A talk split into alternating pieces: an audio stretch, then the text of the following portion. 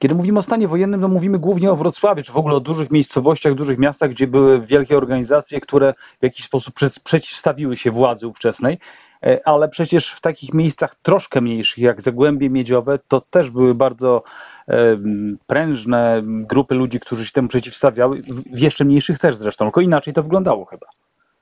Ale dlaczego mniejszych, bo e, w końcu Zagłębie Miedziowe to sam kombinat to 40 tysięcy zatrudnionych. W niedzielę tam się niewiele działo, ale już w poniedziałek 14 grudnia stanęła Rudna, Lubin, Polkowice, Sieroszowice, czyli cztery kopalnie, Huta Miedzi Głogów oraz kilka pomniejszych zakładów. Czyli to były stanowcze, stanowcze ruchy.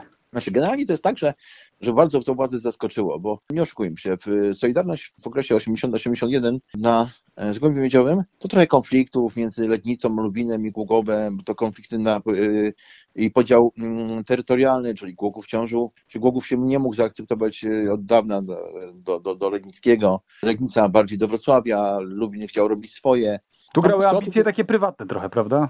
Tak, tak, takie regionalne e, i, i, i, branżowe. No i też e, nie oszukujmy się, ten okres Solidarności to przede wszystkim była walka o pieniądze, o godną pracę, o to, żeby więźniowie nie pracowali w kopalniach, no, no, o ochronę środowiska to przede wszystkim, o to, żeby znieść czterobrygadowy system pracy. Tam takich rzeczy politycznych nie było. No i to już ten 14 grudnia bardzo zaskoczył władzę, aczkolwiek w całym Legnickim bodajże 300 osób było przewidzianych do internowania. No, nie internowano wszystkich, ale e, pacyfikację tych protestów, a przede wszystkim Zytki Rudna, no dosyć było, było brutalne. To taka mała legenda właśnie Zagłębia Miedziowego, że tam się właśnie wszystko zaczęło kluć 14, 15 i 16 w Polkowicach, w Lubinie, w Rudnej. Tam było przechodzenie między kopalniami, Czyli tak naprawdę te dni pokazały, że to nie jest tak spokojnie, jak, jak władza przewidywała, tak? Znaczy generalnie to było troszeczkę szokiem dla władzy, bo no, Zagłębie Miedziowe to jednak, bym powiedział, twór, twór socjalizmu, tak? Zbudowany przez Gomułkowskich, potem Rudna i Głogów Czesław Gierkowskich. No to była kraina miodem i boczkiem płynąca. Pan po pierwsze przeżył sam stan wojenny, po drugie też jako historyk, jako badacz patrzy na to trochę inaczej.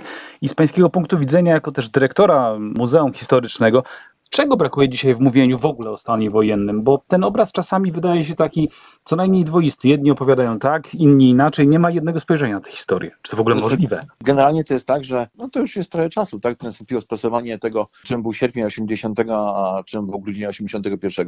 Dla mnie w ogóle niepojęte jest to, że chyba obowiązującą historią Solidarności jest e, książka napisana przez profesora Suleja jeszcze w podziemiu, to jako badacze historycy dużo, dużo tutaj mamy sobie do zarzucenia. Na pewno, na pewno nie ma monografii stanu wojennego. No jeszcze poza kilkoma tam stronami, tam jakimiś 30-40. Stan wojenny w Legnickim to w ogóle ciekawa sprawa, bo mamy tutaj bombiarzy, czyli ludzie, którzy pod, e, podkładali bomby. Fakt, że nie wybuchło za dużo ich, ale jednak było kilka prób.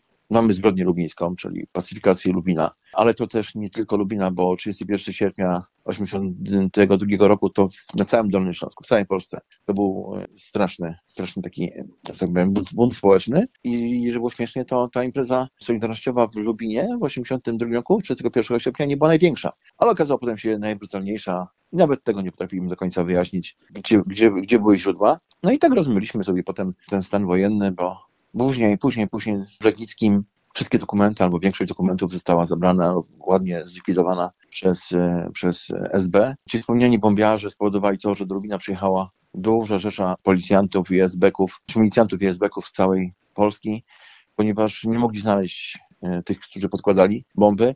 Zaowocowało to tym, że bardzo dużo osób aresztowano, bardzo dużo osób wolno na różnych rzeczach typu alkohol, zdrady małżeńskie i takie inne rzeczy. I namawiano lub żądano od nich współpracy. To dosyć duże nasycenie było tajnych współpracowników. No straszny mamy z tym problem. Jakoś tak pozamiataliśmy to pod dymion. I co, pamiętamy, że ten stan wojenny, tragiczny generał, nie wiadomo do czego go czcimy. Zapominamy o tych wszystkich ludziach, którym... Tych małych bezimiennych, którzy gdzieś zniknęli w natłoku tych, tych historii rozmaitych. No, notabene właśnie chyba im dalej od chwili wybuchu stanu wojennego, tym więcej osób przyznaje się do tego, że go walczyło z nim. Choć chyba nie do końca. Znaczy, tak no generalnie to jest tak, gdy, gdy kiedyś robiliśmy reportaż o 31 sierpnia 1982 roku, tam jest dość sławne zdjęcie Krzysztofa Raszkowiaka, to wyszło na to, że, że nie pięciu niosło go, tylko 50, nie 150 było, chowało się w rowie w zimnicy, tylko około e, 300 i nie właściwie było 2000 ludzi, tylko 25 tysięcy ludzi w pierwszy dzień, tak? E, Że to, to z jednej strony bohaterstwo rośnie, w zależności od upływu czasu, natomiast my nie pamiętamy tych ludziach, którzy byli bardzo brutalnie potraktowani przez ZOMO, przez, przez prokuraturę, byli bici, tracili zdrowie. Później ci ludzie też w wielu przypadkach jednak wpadli w łapy SB. No mamy, mamy z tym jakiś problem, tak? No, czego przykładem jest ostatnia sytuacja we Wrocławiu z kilkoma osobami, tak? No to A co pan ma na myśli? a mam nadzieję, że e, tak do końca nie wiadomo, jak to było z tym ruchem oporu we Wrocławiu, prawda? I że okazuje się, że główna postać jest oskarżona o współpracę, współpracę z SB, to nie wiadomo, jak to było do końca, tak? I te wszystkie, no nie wiem, no ja wrócę do, e, do, początku. Dlaczego e, tak naprawdę nie ma monografii takiej Dolnego Śląska, jeżeli chodzi o stan wojenny, o Solidarność? Jeszcze raz, tak? Zwłaszcza, że Mamy- dużo się działo. Mamy monografię mm, Zagłębia Miedziowego, napisaną przez pana Kamińskiego, ale to też takie trochę pobieżne jest, tak? No i mi żal jest też inaczej, mi, mi e, brak jest y, losu tych ludzi z pierwszej Solidarności, bo gdzieś tak się stało, że, że potem przyszła druga Solidarność i nagle ci ludzie z pierwszej Solidarności nie mieli tam nic do powiedzenia, oni gdzieś e, potracili pracę, potracili, e, tak, zniknęli, potracili pracę, potracili miejsce w, w, w społeczeństwie, na ile zastąpili ich ludzie związani z tamtą władzą, na ile ludzie niepokorni, możemy powiedzieć, że to pół na pół, ale pamięć o, o, o, działaczach Solidarności Zagłębia Mieciowego z lat 80-81 nie jest pam- pamięcią e, powszechną. Tu, tu na, na pewno należy też powiedzieć, że, że poza gestami, które no są, są, to jednak mając takie duże aparaty jak, jak IPN, Uniwersytety Wrocławski, Zielonogórski, no nie ma tego za dużo.